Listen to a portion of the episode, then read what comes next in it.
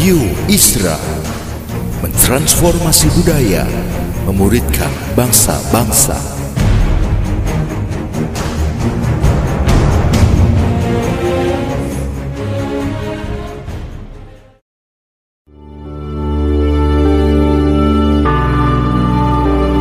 Apostolic Prophetic Messages mengungkapkan pesan dan arahan dari hati Tuhan bagi gerejanya demi menuntaskan mandat kerajaan Allah di Indonesia dan bangsa-bangsa. Selamat mendengarkan.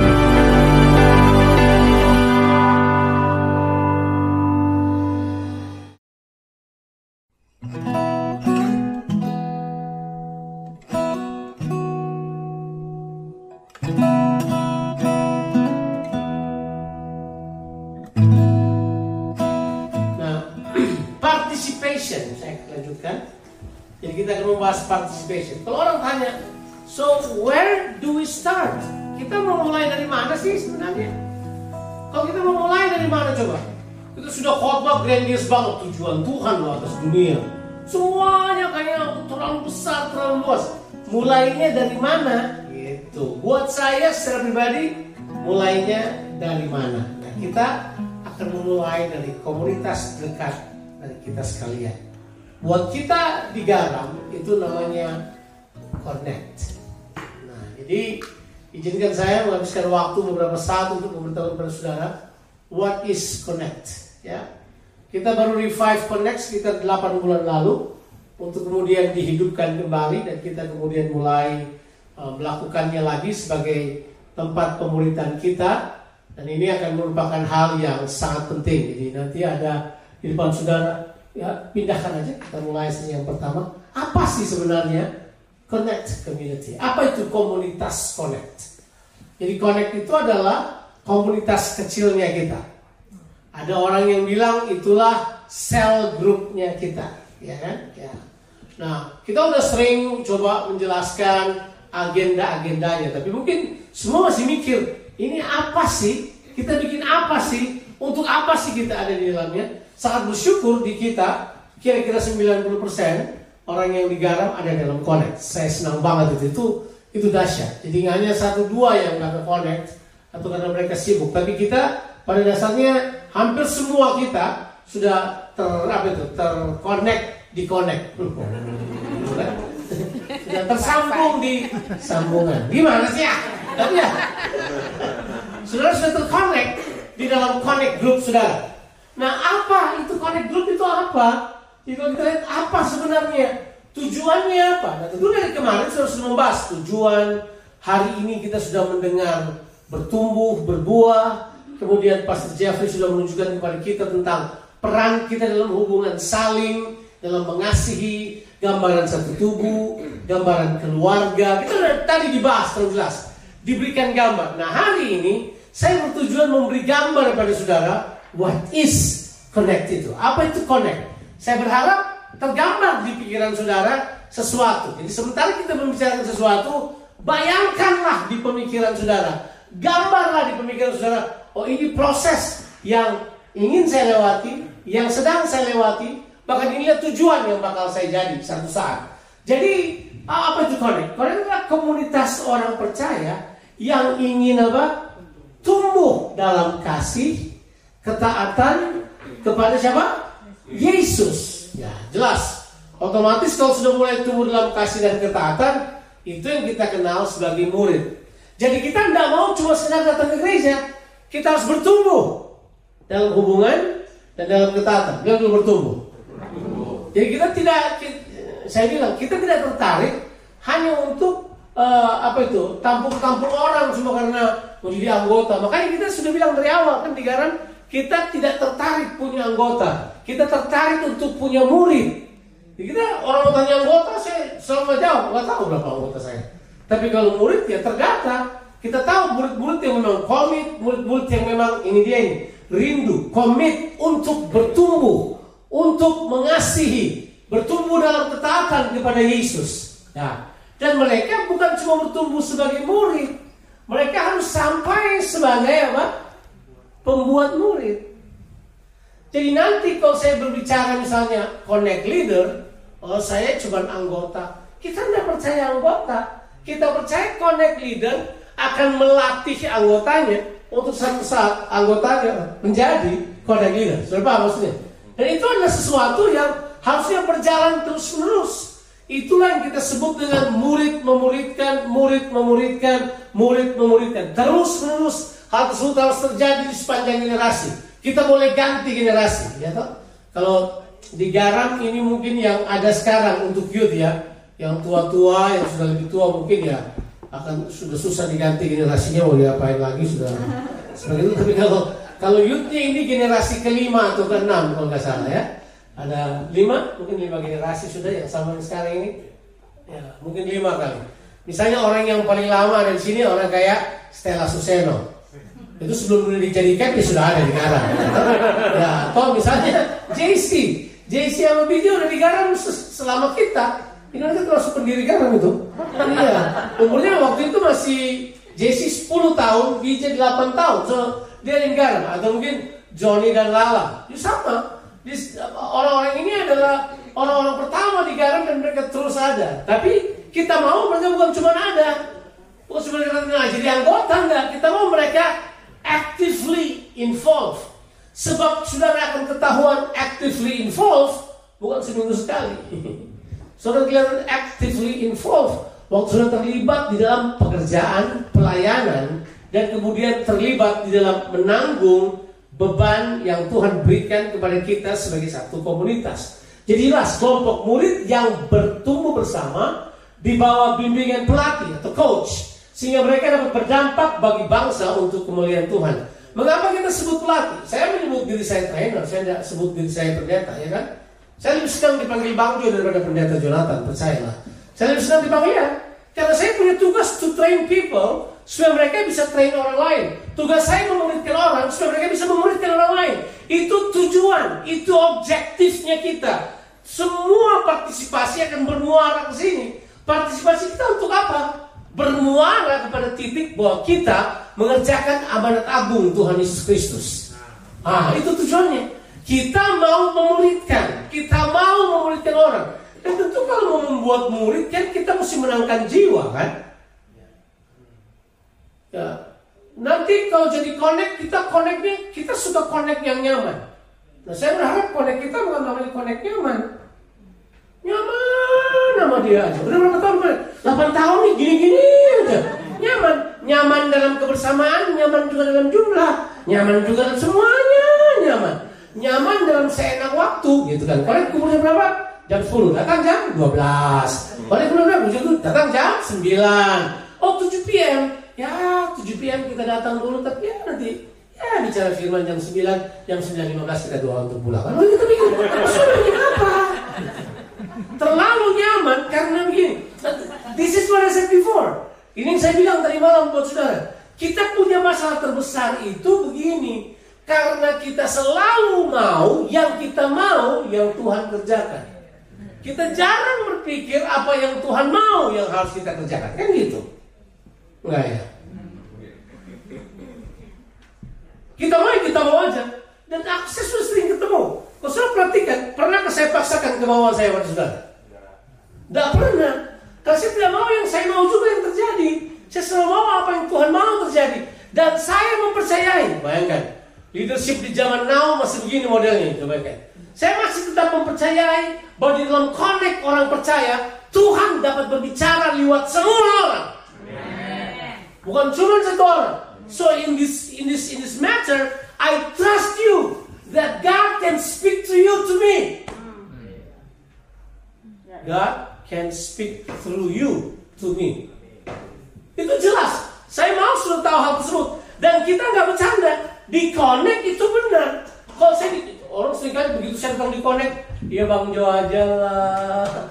Nanti kalau dari makanya saya pikir saya jangan datang. Kalau saya datang yang kota siapa? Saya lagi. Iya loh Bang Jo jarang-jarang. Iya biar jarang-jarang nggak apa-apa. Tapi izinkanlah Tuhan bekerja lewat semua orang. Karena kita percaya kita semua sedang bertumbuh bersama. Kita semua sedang melatih, saling melatih satu sama lain untuk bertumbuh bersama. Next, kita akan lihat hal ini.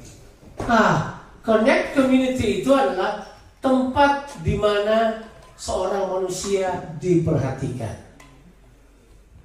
Dalam COVID ini kita belajar, wish, ngerinya kesepian, ngerinya isolation spirit, ngerinya orang kalau tidak dipedulikan. Aduh, itu ngeri banget. Dan paling ngeri itu kan, kalau orang udah di isolate, kemudian dia sendiri nggak ada yang temenin, terus pakai ventilator lagi, udah tunggu mati aja udah. Saya bisa melihat bahwa isolation spirit menguasai seluruh dunia. Orang di isolate begitu rupa, mereka ditarik dari persekutuan. Padahal kita tahu bahwa di connect group yang namanya manusia. Siapa sini yang manusia tolong ke tangan? Yang merasa manusia tolong ke tangan? Oke, okay, good. Yang merasa bukan manusia tolong ke tangan. Siapa tahu sudah merasa sudah pohon. Dan jangan diangkat tangannya gitu dong, bukan. coba, coba saya lihat, coba. Di situ manusia diperhatikan. Kalau di KM orang tidak diperhatikan, kok KM sih? Hmm, Rock Makassar nih pasti. Kalau kalau di connect sudah tidak diperhatikan dan sudah punya masalah dan bukan cuma saudara yang bermasalah itu berarti connect grup kita telah kehilangan arti yang sesungguhnya. Karena tempatnya orang diperhatikan di situ. Kalau bahasanya di sini, di situlah mata Tuhan ada. Di situlah tangan Tuhan terulur. Di situlah belayan kasih sayang ada. Di situlah orang terdampingi, orang terperhatikan, orang dirawat sebenarnya itu. Baru yang kedua adalah connect di mana murid dikembangkan. Kalau sudah berbicara murid, sudah berbicara potensi, karunia, apa yang ada dalam diri. Dan saya mempercayai, seperti yang saya katakan tadi malam, saya percaya setiap orang diberikan pekerjaan dalam diri mereka.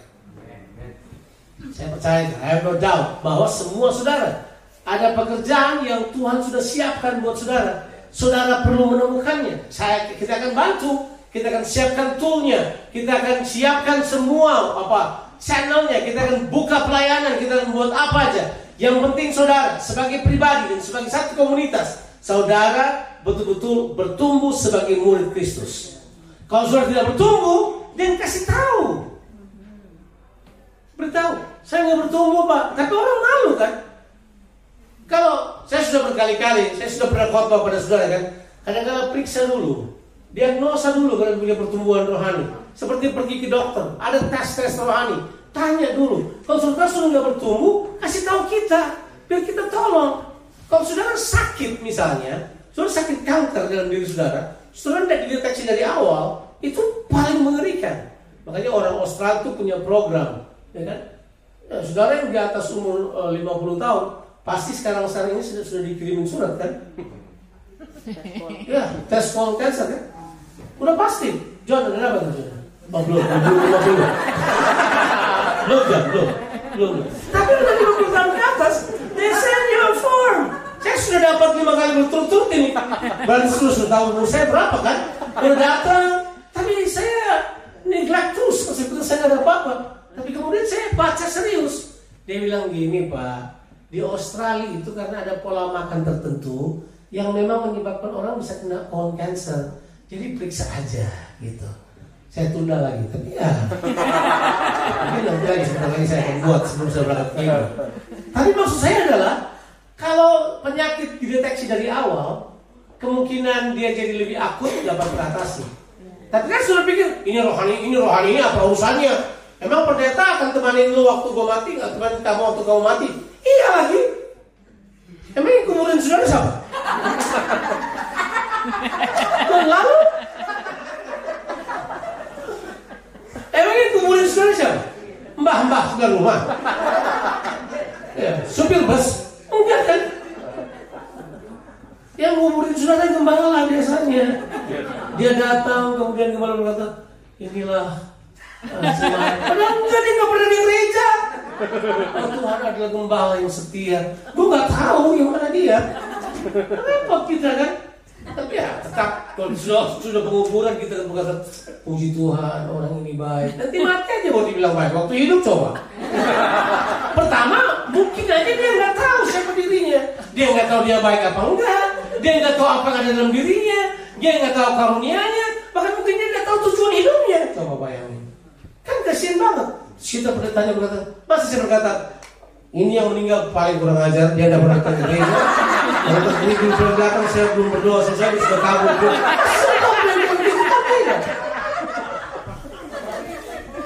Itu tandanya orang tidak dipersiapkan. Oke. Tapi ini yang luar biasa. Kita mesti sampai ke sini loh. Di mana missionary dilatih. Sudah langsung dia. Iya. Kita di Jakarta kemarin uh, menerima balik ada satu missionary for love. Kurang lebih 12 tahun lalu kita kirim dia ke Thailand Selatan. Dia kembali, komunitas yang kirim dia sudah nggak ada.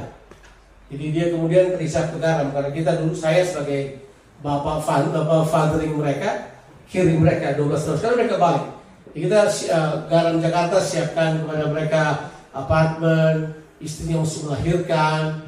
Mereka, itu, saya ketemu dengan dia terus mereka berkata begini.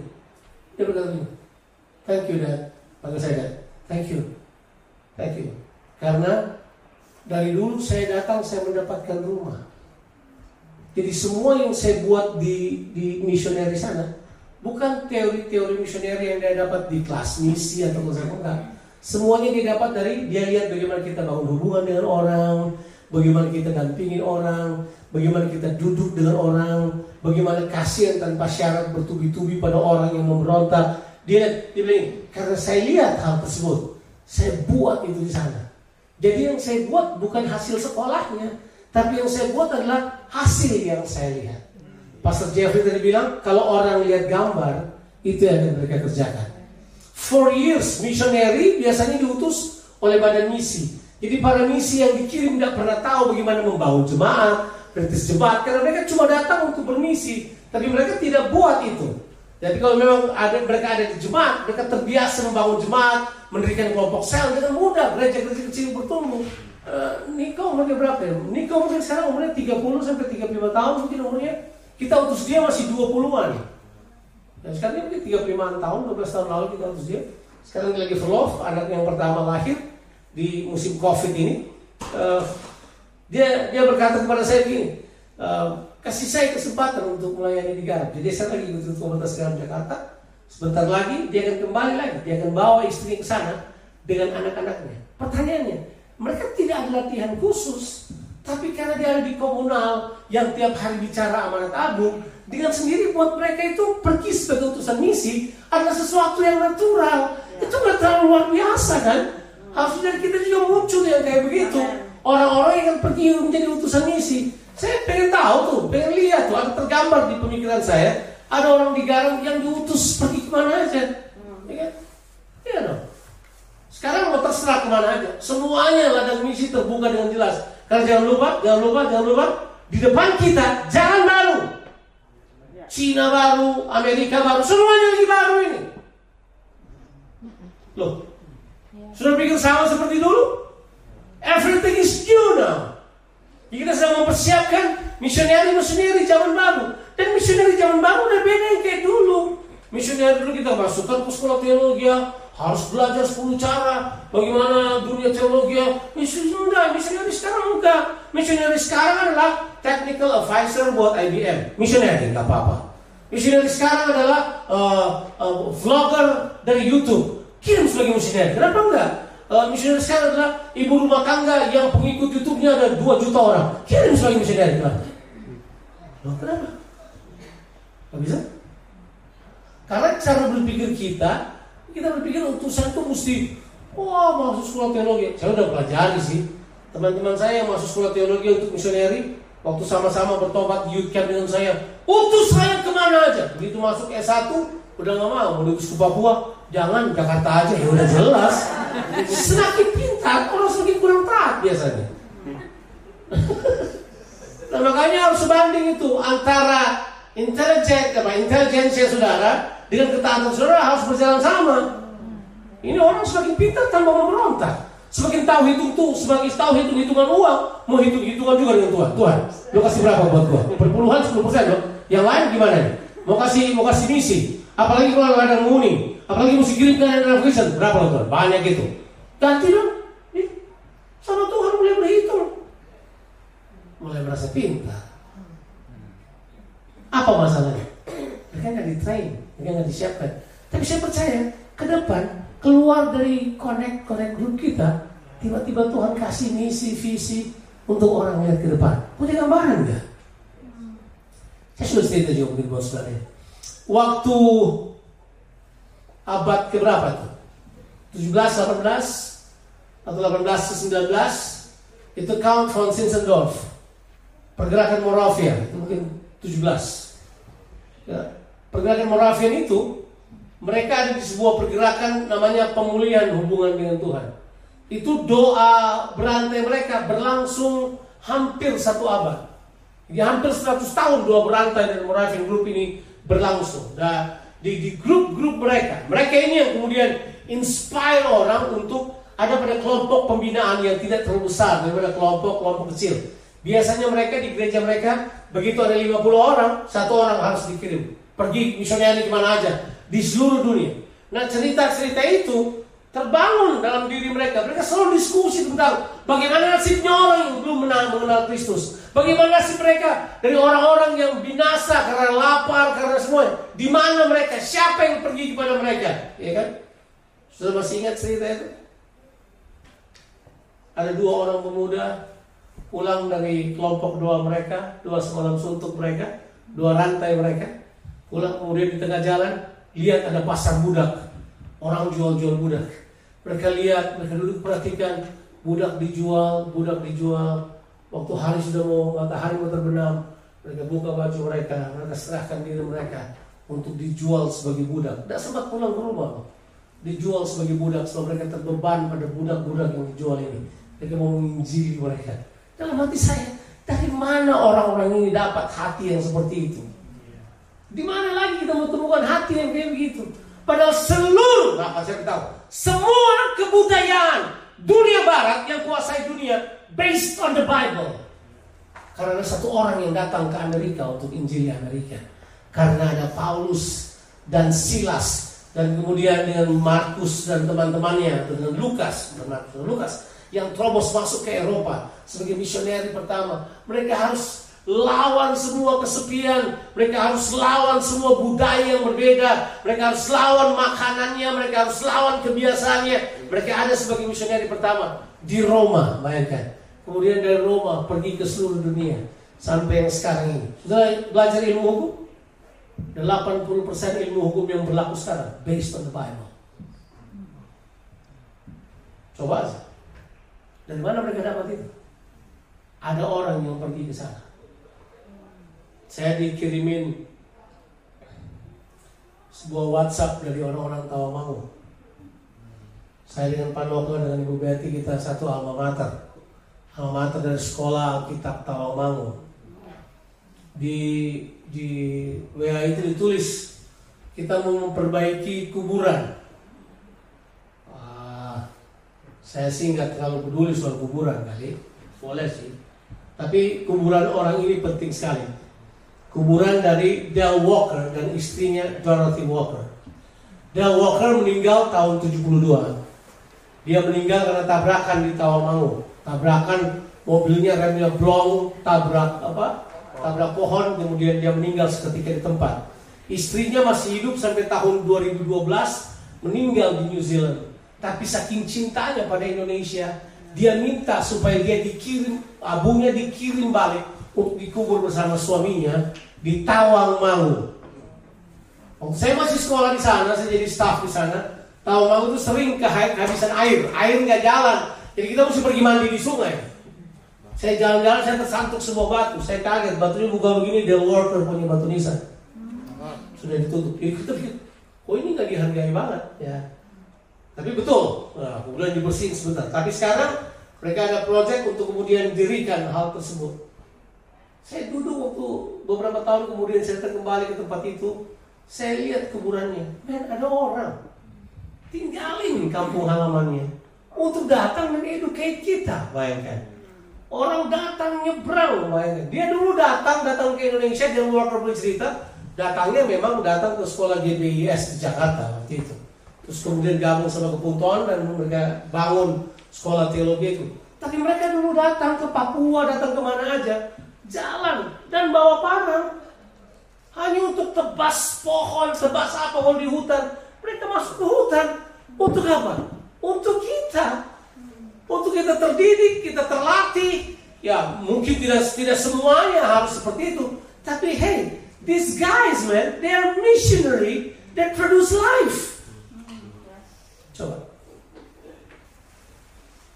betul kan? Saya bisa cerita orang-orang yang ada di Papua. Saya bisa cerita orang-orang yang ada di di mana? Di Kalimantan. Saya bisa cerita orang-orang yang yang apa keturunannya mereka masih ada sampai sekarang. Mereka melakukan hal tersebut. Waktu ditanya pertama, semua misioner itu punya pemikiran begini. Before us, there are uncharted waters. Ada air yang belum pernah diseberangi. Ada sungai yang belum pernah diseberangi. Ada hutan yang belum pernah diseberangi. Yuk kita datang ke sana. Dan mereka menangkan suku demi suku, suku demi suku. Dan produk-produknya adalah anak-anaknya yang kemudian dikirim ke kota. Mereka dapat iman dari mana? Dari nenek moyang mereka. Yang bertobat dari siapa? Misioneri-misioneri ini coba. Kita sekarang sudah kehilangan hal tersebut. Karena kita pikir kita tidak perlu tebang hutan lagi. Kita cuma perlu masuk Amazon yang berbeda. Kita perlu masuk ke hutan Google yang lain untuk kemudian mulai mencari dan berusaha untuk browsing sana kemari. Tapi enggak. Paling tidak kita tetap punya hati untuk tetap mengirim utusan misi. Di mana pekerja gereja disiapkan. Di mana pelayan dilahirkan. Di mana dunia berubah. Ya.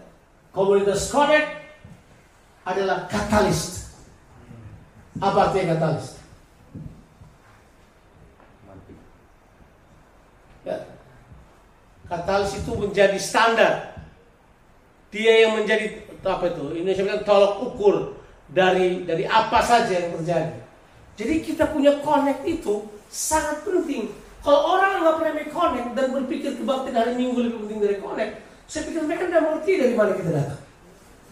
Ya, sejarahnya kita sebagai garam, kita mau connect grup kita atau ya kelompok kecil kita sebutlah apa? Kalau di di di Toraja kita menyebutnya Karmel, di Makassar orang menyebutnya kakak komunitas kerajaan. Di sini kita menyebutnya connect. Tempat lain punya ada nama yang berbeda. But the point is clear. Kita mau connect ini ada. Ini adalah catalyst untuk semua keadaan kerja kita, semua pertumbuhan kerja kita, semuanya terpusat di situ. Saya mau nantinya baptisan lewat situ, pelayanan semuanya harus ada di situ. Pengembalaan ada di situ, supaya kemudian kita semua bergairah ada di dalamnya. Karena dengan connect semua orang bisa terlibat. Semua orang dapat dirangkul, semua orang dapat disentuh, semua orang dapat dimuridkan. Saya tidak suka pakai kata itu sih, tapi ya kata itu ada di situ by the way. Dia seperti mesin. itu dia dari semua yang kita lakukan. Dia seperti engine room. Kalau kapal mau jalan, ada engine roomnya. Coba matikan engine roomnya. Kapal nggak jalan. Di atas boleh lux, pemandangan di luar boleh bagus. Tapi kalau kapal nggak jalan, itu museum namanya. Tapi that's it. Ya, yang berikut saya mesti selesai cepat sedikit lagi. Ini, what is connect group leader? Sudah mesti tahu bahwa setiap orang harus di drill sebagai connect group leader sebab kita mempercayai setiap orang dapat memimpin connect group karena dia adalah orang yang terlatih di connect group. Betul ya? Itu semua orang mesti tahu hal ini. Connect group adalah seorang pemimpin grup connect yang adalah pelatih. Ini mesti jadi pelatih. Terbiasa melatih nggak? Oh, beda pelatih, beda pengkhotbah. Saya habiskan waktu saya terbanyak berkhotbah sampai satu ketika saya berpikir, enggak, saya mesti tukar. Saya tidak boleh jadi pengkhotbah terus. Saya mesti jadi pelatih. Saya mesti mempersiapkan orang. Saya harus duduk untuk membahas kualitas kehidupan seseorang dibanding cuma mengkhotbahkan khotbah-khotbah bagus di depan. Orang senang pada khotbah kita, tapi orang nggak niat melakukannya. Sebab ini prinsipnya. Antara mengajar dan melatih itu punya perbedaan. Mengajar punya objektif adalah kamu memindahkan cognitive knowledge kepada orang yang mendengarkannya. Kalau, kalau pelatih enggak, pelatih memindahkan sikap dan langkah praktis buat orang bertindak melakukan apa yang dia ketahui. Masalahnya, kalau cuma sampai kepada cognitive learning, saudara boleh mengetahui banyak. Dan saya yakin, orang garam nggak kekurangan pengetahuan kalau cuma pengajaran. Mau pengajaran apa yang sudah perlu? Kita datangkan pengajar-pengajar yang hebat berkhotbah di garam. Pembicara-pembicara hebat yang sudah mengajar di garam. Kelas tes baru sama, Jeffrey Rahmat. These guys are a big speaker, man. Mereka datang di garam, mengajar kita, memperlengkapi kita. Tapi kalau itu cuma sampai cognitive knowledge, cuma sampai di pengetahuan itu aja, selesai, kita berhenti. Sudah cuma duduk bikin pada suatu gereja, minggu depan suruh datang lagi kasih persembahan, suruh nyanyi lagu yang sama, dan tanya kenapa ada lagu yang baru, mereka kasih lagu yang baru, sudah marah karena terlalu baru, terus sudah pulang, kemudian gereja berlangsung kayak begitu. Saya, saya bosannya kalau gitu. Saya nggak bosan masalah. Saya bosan kalau masalahnya sama aja. Kalau ada tantangan baru saya bersemangat. Iya kan? Udah nggak usah dicatat, saya nanti ambil catatan sih Pak. Pak. Iya kan? Alkitab memberitahukan pada kita. Yang lucunya, Ibu Ina kutip ayat ini. Pastor Jeff kutip ayat ini. Berarti memang ayat ini penting kan? Efesus 4 bahwa kita perlu dilatih, kita perlu diperlengkapi. Kata memperlengkapi itu berasal dari kata unik di dalam bahasa Yunani. Kata tismos artinya. Kata tismos itu adalah seperti sebuah apa? Pisau yang dipakai oleh pemahat untuk dia apa itu? Dia craft sebuah sebuah kayu atau sebuah apa saja batu untuk dia ukir menjadi sebuah karya seni. Misalnya ada ada batu yang jelek di tengah jalan diambil oleh seorang pemahat, kemudian dia pahat sampai bentuknya seperti yang di yang dibikin oleh Michelangelo gitu misalnya. Misalnya yang terjadi adalah patung Beethoven. Misalnya yang terjadi adalah patung David yang paling terkenal misalnya. Kemudian, wah mahal banget. Tapi batu itu sebelum dia masih cuma batu aja, ya batu aja. Saudara juga, kalau saudara cuma nggak di, di, dipertajam, nggak diperlengkapi, ya saudara cuma seperti seobak daging pakai tulang dan jalan-jalan. Selesai. Ya, agak mirip kucing juga kan gitu. Atau apa. Tapi kan saudara enggak. Saudara di dunia ini punya maksud, punya tujuan. Nah, pindah sedikit lagi. Saya mesti selesai. Ya. Kenapa lama?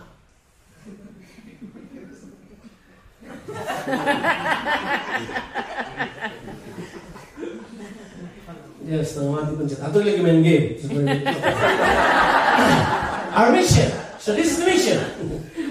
The mission is menjadikan murid. Nah, kalau uh, saya tanya pada saudara, adakah pekerjaan yang Tuhan tinggalkan pada saudara? Iya. Ada. Dan maafkan itu bukan tanggung jawab seorang pendeta. Itu tanggung jawab semua orang percaya. Pekerjaan itu adalah menjadikan murid. Itu tuh. Menjadikan murid. Pekerjaan ini adalah pekerjaan yang penting. Terus Yesus sudah berkata gini, jadikanlah murid orang Indonesia aja. Jadikanlah semua bangsa. Kita nggak salah ada di Melbourne ini dengan dengan dengan apa cosmopolitannya Melbourne dengan orang-orang dari segala multicultural apa neighborhood yang kita miliki. Tujuannya memang untuk itu. Pindah.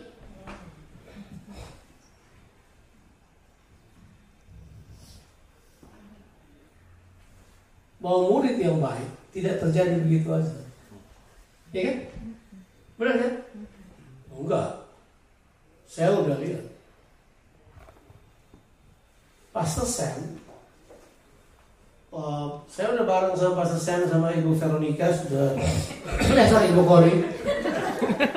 Semuanya dia tuh. Sebab dari dulu saya selalu salah. Saya di benak saya entah siapa yang taruh tapi di benak saya istri Sam itu Veronica. Saya ketemu mereka, kalau mereka ketemu gereja, salaman, Sam, apa kabar Vero?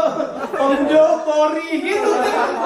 Sampai dia udah tanya, bukan Kori, Veronica. Eh, salah.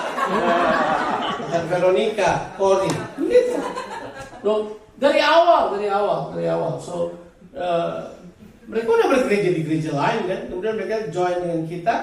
Terus kemudian uh, I think I baptized both of them. And then kemudian terlibat tuh sama kita. Terlibat dan terlibatnya udah nggak bercanda terlibatnya. Tiap kita ada dia ada. Padahal kerja juga kan. Tuh di mana dia ada nongkrong bareng. Sampai udah nggak nggak bisa dibantah lagi. Di gereja pertama, gereja COVID. Pemilihan majelis. Ya Sam terpilih lah. Orang mau pilih siapa? Siapa? Siapa? Sam. Mutlak terpilih. Nggak ada pilih-pilih suara. Yang lain sih. Ayo berapa voting? Dia enggak. 100% Sam. Yes. Pilih langsung. Om Max ingat waktu itu. Sam kemudian masuk di majelis. Sebagai anggota majelis yang paling muda. Mungkin bareng Ivan kali. Kalian berdua beda berapa tahun? Ivan belakangan kali ya? Oh, Ivan keluar baru saya datang. Jadi kemudian terus saya memperhatikan saya, saya diam-diam perhatikan. Ya, toh. dia nggak ngomong sama siapa-siapa. Tapi tiap kali saya khotbah, saya tuh maju ke depan, bawa ini. Saya udah perhatiin data dia dia tak, dia cari uh, speaker yang terdekat, dia taruhnya di atasnya. Hampir seluruh khotbah saya ada di dia. Dia dengar, dia baca, dia perhatikan, dia nonton, dia dengar baik-baik. Kemudian saya dengar khotbahnya Sam di Gilgal. Lalu, siapa nih khotbah bagus banget? Ternyata Sam Barabang dari Melbourne. Dia khotbah keren banget. Bukan khotbah saya yang dia khotbahkan. Berarti dia cuma dengar yang saya punya untuk memperlengkapi. Tapi yang dia keluar adalah sesuatu yang ada dalam dirinya. Wah, powerful. Sekarang berani-berani bilang Pak saya enggak. Oh, sudah enggak mau, segera direbut sama kerja lain. Hati-hati kita. Google main-main.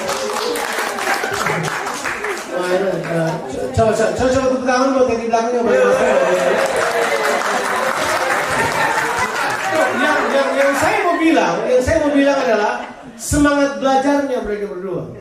Dan luar biasanya, ini saya mau beritahu saudara. Mereka melewati proses kehidupan kan. Nah itu nanti Kori yang cerita. Yang lucu Kori kan saya ajak ngobrol di di apa di IG saya. Ya, jadi Ibu Veronica ini saya ajak. Gitu. Eh, terus yang saya tanya Sam yang jawab Kori loh. Jadi saya udah bilang, ya, siapa mau duluan? Eh, suami saya aja. Tapi begitu jawab dia jawab lebih banyak. Terus pura-pura enggak saya ngomongnya dikit, padahal dia paling banyak. Saya masih simpan, saya masih ada rekamannya di saya. Saya mau nonton lagi ulang. Tapi come on, four years mereka ada. Semua orang bilang ngapain sih lu pelayanan-pelayanan? Istri lu keguguran terus ngapain sih? Ngapain sih kamu pelayan-pelayan sibuk ini sibuk itu? Anak aja nggak jadi-jadi gitu kan? Wah. Tapi apakah itu menjatuhkan mental mereka? Tidak. Tidak. Dan menurut saya, kalau mereka dijawab oke, nggak dijawab juga mereka udah siap sebenarnya. Pada waktu itu loh. Kan kan saya duduk sama mereka, sama sama sama Veronica. Kita duduk bersama-sama di sama Cory kita duduk bersama di Oriental Spoon. Saya masih ingat. Itu udah sejarah sekarang. Dia di Latrobe udah gone, udah nggak tahu. Kayaknya dia ditelan oleh COVID. Sudah ada gitu. Ada tempat makanan Korea, tempat kita suka makan di situ kan. Karena cuma dia yang bisa tampung 20 orang, 30 orang, nanti makan. Jadi duduk di situ. Bayangkan, Cory waktu itu baru saja eh, melaksanakan IVF yang gagal. IVF gagal, coba bayangkan.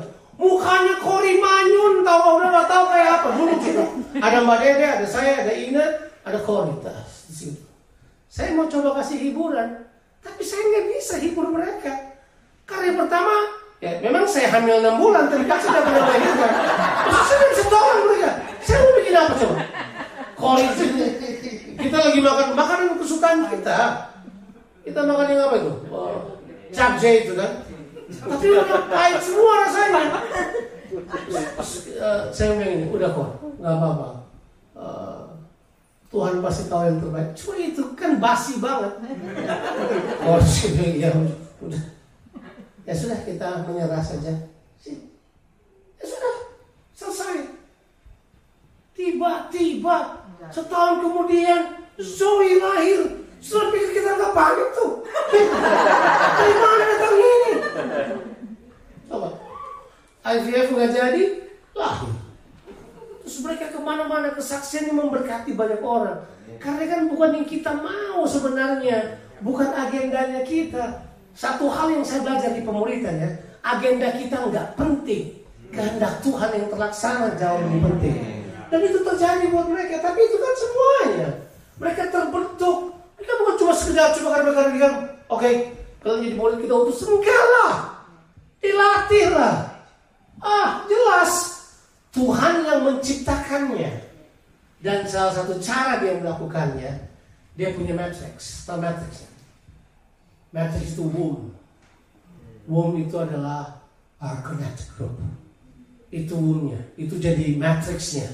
Itu jadi womb maksudnya um, rahimnya. Itu jadi rahimnya akan mengeluarkan murid-murid yang sejati, yang dibentuk, yang betul-betul dilatih untuk hal tersebut. Kita mesti tahu bahwa yang memberi pertumbuhan adalah Tuhan, bukan kita. Saya, Jonathan Patiasina harus mengatakan, saya tidak bertanggung jawab atas pertumbuhan saudara. Saya punya tanggung jawab adalah saya menanam, saya menyiram, saya melatih, tapi tetap yang memberi pertumbuhan adalah Tuhan. Saudara yang harus terkonek langsung dengan Tuhan. Dan itu adalah hal yang terpenting. Saya tidak bisa buat orang bertumbuh. Itu bukan daerah saya. Saya tidak mampu. Tidak ada yang mampu melakukannya. Cuma Tuhan. Ya, yang berikut tadi kita selesai. Ya, cara yang Tuhan tetapkan untuk menjangkau bangsa-bangsa adalah dengan membangkitkan murid-murid yang dengan penuh semangat menghormati Kristus di atas segala-galanya yang mereka miliki dan yang diperlengkapi untuk pergi dan mengubah dunia. Ya kita nggak pergi ke seluruh dunia nggak, dunia kerja kita, dunia di mana kita ada. Our world adalah tempat di mana kita harus mengubahnya. Kita harus membawa perubahan. Satu kehidupan pada satu waktu. Ya, itu dia itu. Kita kita menangkan just once at a time. Sudah menangkan satu orang aja. Tidak perlu banyak. Injil satu orang aja. Tidak perlu banyak. Datangi satu orang aja. Tidak perlu banyak. Bagikan kehidupan pada satu orang. Tidak perlu banyak. Tidak perlu berpikir banyak. Mungkin Ina sehari bisa 10 orang. Kamu tidak perlu 10 orang. Satu aja. Satu aja katakan Jesus love you hari ini. Besok ketemu dia lagi. Katakan Jesus bless you. Ulangi lagi. Dan tentu kita sekarang sudah lebih paham. Bahwa kita bukan cuma sekedar menginjil secara pribadi. Tapi kita juga mulai menginjil secara komunal. Dan itu adalah hal yang sangat penting. Well, salah satu hal istimewa tertinggi yang dapat dibayangkan dan dengan mudah hal terpenting yang akan kita lakukan sebagai anggota gereja kita adalah memuridkan orang lain. Stop dulu. Kalau saya bilang memuridkan orang lain, apa yang muncul di kepala? Susah ya? Susah gak sih? Apa kita tidak pernah ngajar caranya? Padahal kalau kita sudah kumpul bareng di connect, kita terbiasa untuk sharing. Di connect semua orang mesti sharing kan? Betul kan? Di Gets kita melatih, di Garam Equipping the Saints kita melatih bahwa kalau kumpul di kelompok kita, tidak boleh ada yang diam. Jadi memang orang bisu agak susah kalau sama kita itu. Agak susah. Karena kita minta saudara harus communicate. Saudara harus berbicara. Saudara harus menyampaikan sesuatu. Nah, saudara harus mengerti prinsip ini. Saya akan selesai dengan ini. Matiin aja. Pasal ini. Oke. Perkataan firman Tuhan itu kaya di tengah-tengah kita. Kalau sepasal 3 ayat 16 baca aja. Perkataan firman Tuhan itu kaya di tengah-tengah kita. Artinya firman Tuhan yang keluar di antara kita. Misalnya connect grup saya kayak bertiga, oke? Okay? Jadi firman Tuhan itu kaya di antara kita. Jadi semua firman Tuhan yang keluar dari mulut Ina, mulut saya, mulut saya itu kaya. Mengapa? Karena sumbernya sama. Mungkin dia menyampaikan dengan bahasa yang tidak terpelajar, it's okay. Ya kan? Antara saya dan Ina kalau berkhotbah sudah bisa lihat kan bahwa Ina lebih lebih lebih praktikal, saya mungkin lebih teologi yang susah dimengerti barangkali. Mungkin Ina lebih mudah dimengerti barangkali. Kita dua beda, kita dua beda banget. Tapi saya selalu hargai perkataan yang keluar dari mulutnya. Karena saya tahu perkataan firman Tuhan kaya di tengah kita. Bukan dengan perkataan firman Tuhan kaya pada gembalanya. Coba cari kalau ada ayat kayak gitu. Nggak ada. Nggak ada. Jadi sebenarnya begini, waktu saudara mulai sharing, sudah bukan saudara lagi sepertinya. Sudah kekayaan firman Tuhan yang dibawa oleh roh kudus. Dia mulai ingatkan orang tentang kekayaan itu kemudian mulai mengalir. Dan kalau itu mengalir, maafkan. Kejadian satu yaitu pengenal ada 28 berlaku pada saudara. Tuhan mulai bekerja di dalam saudara dan melalui kehidupan saudara untuk menjamah orang lain.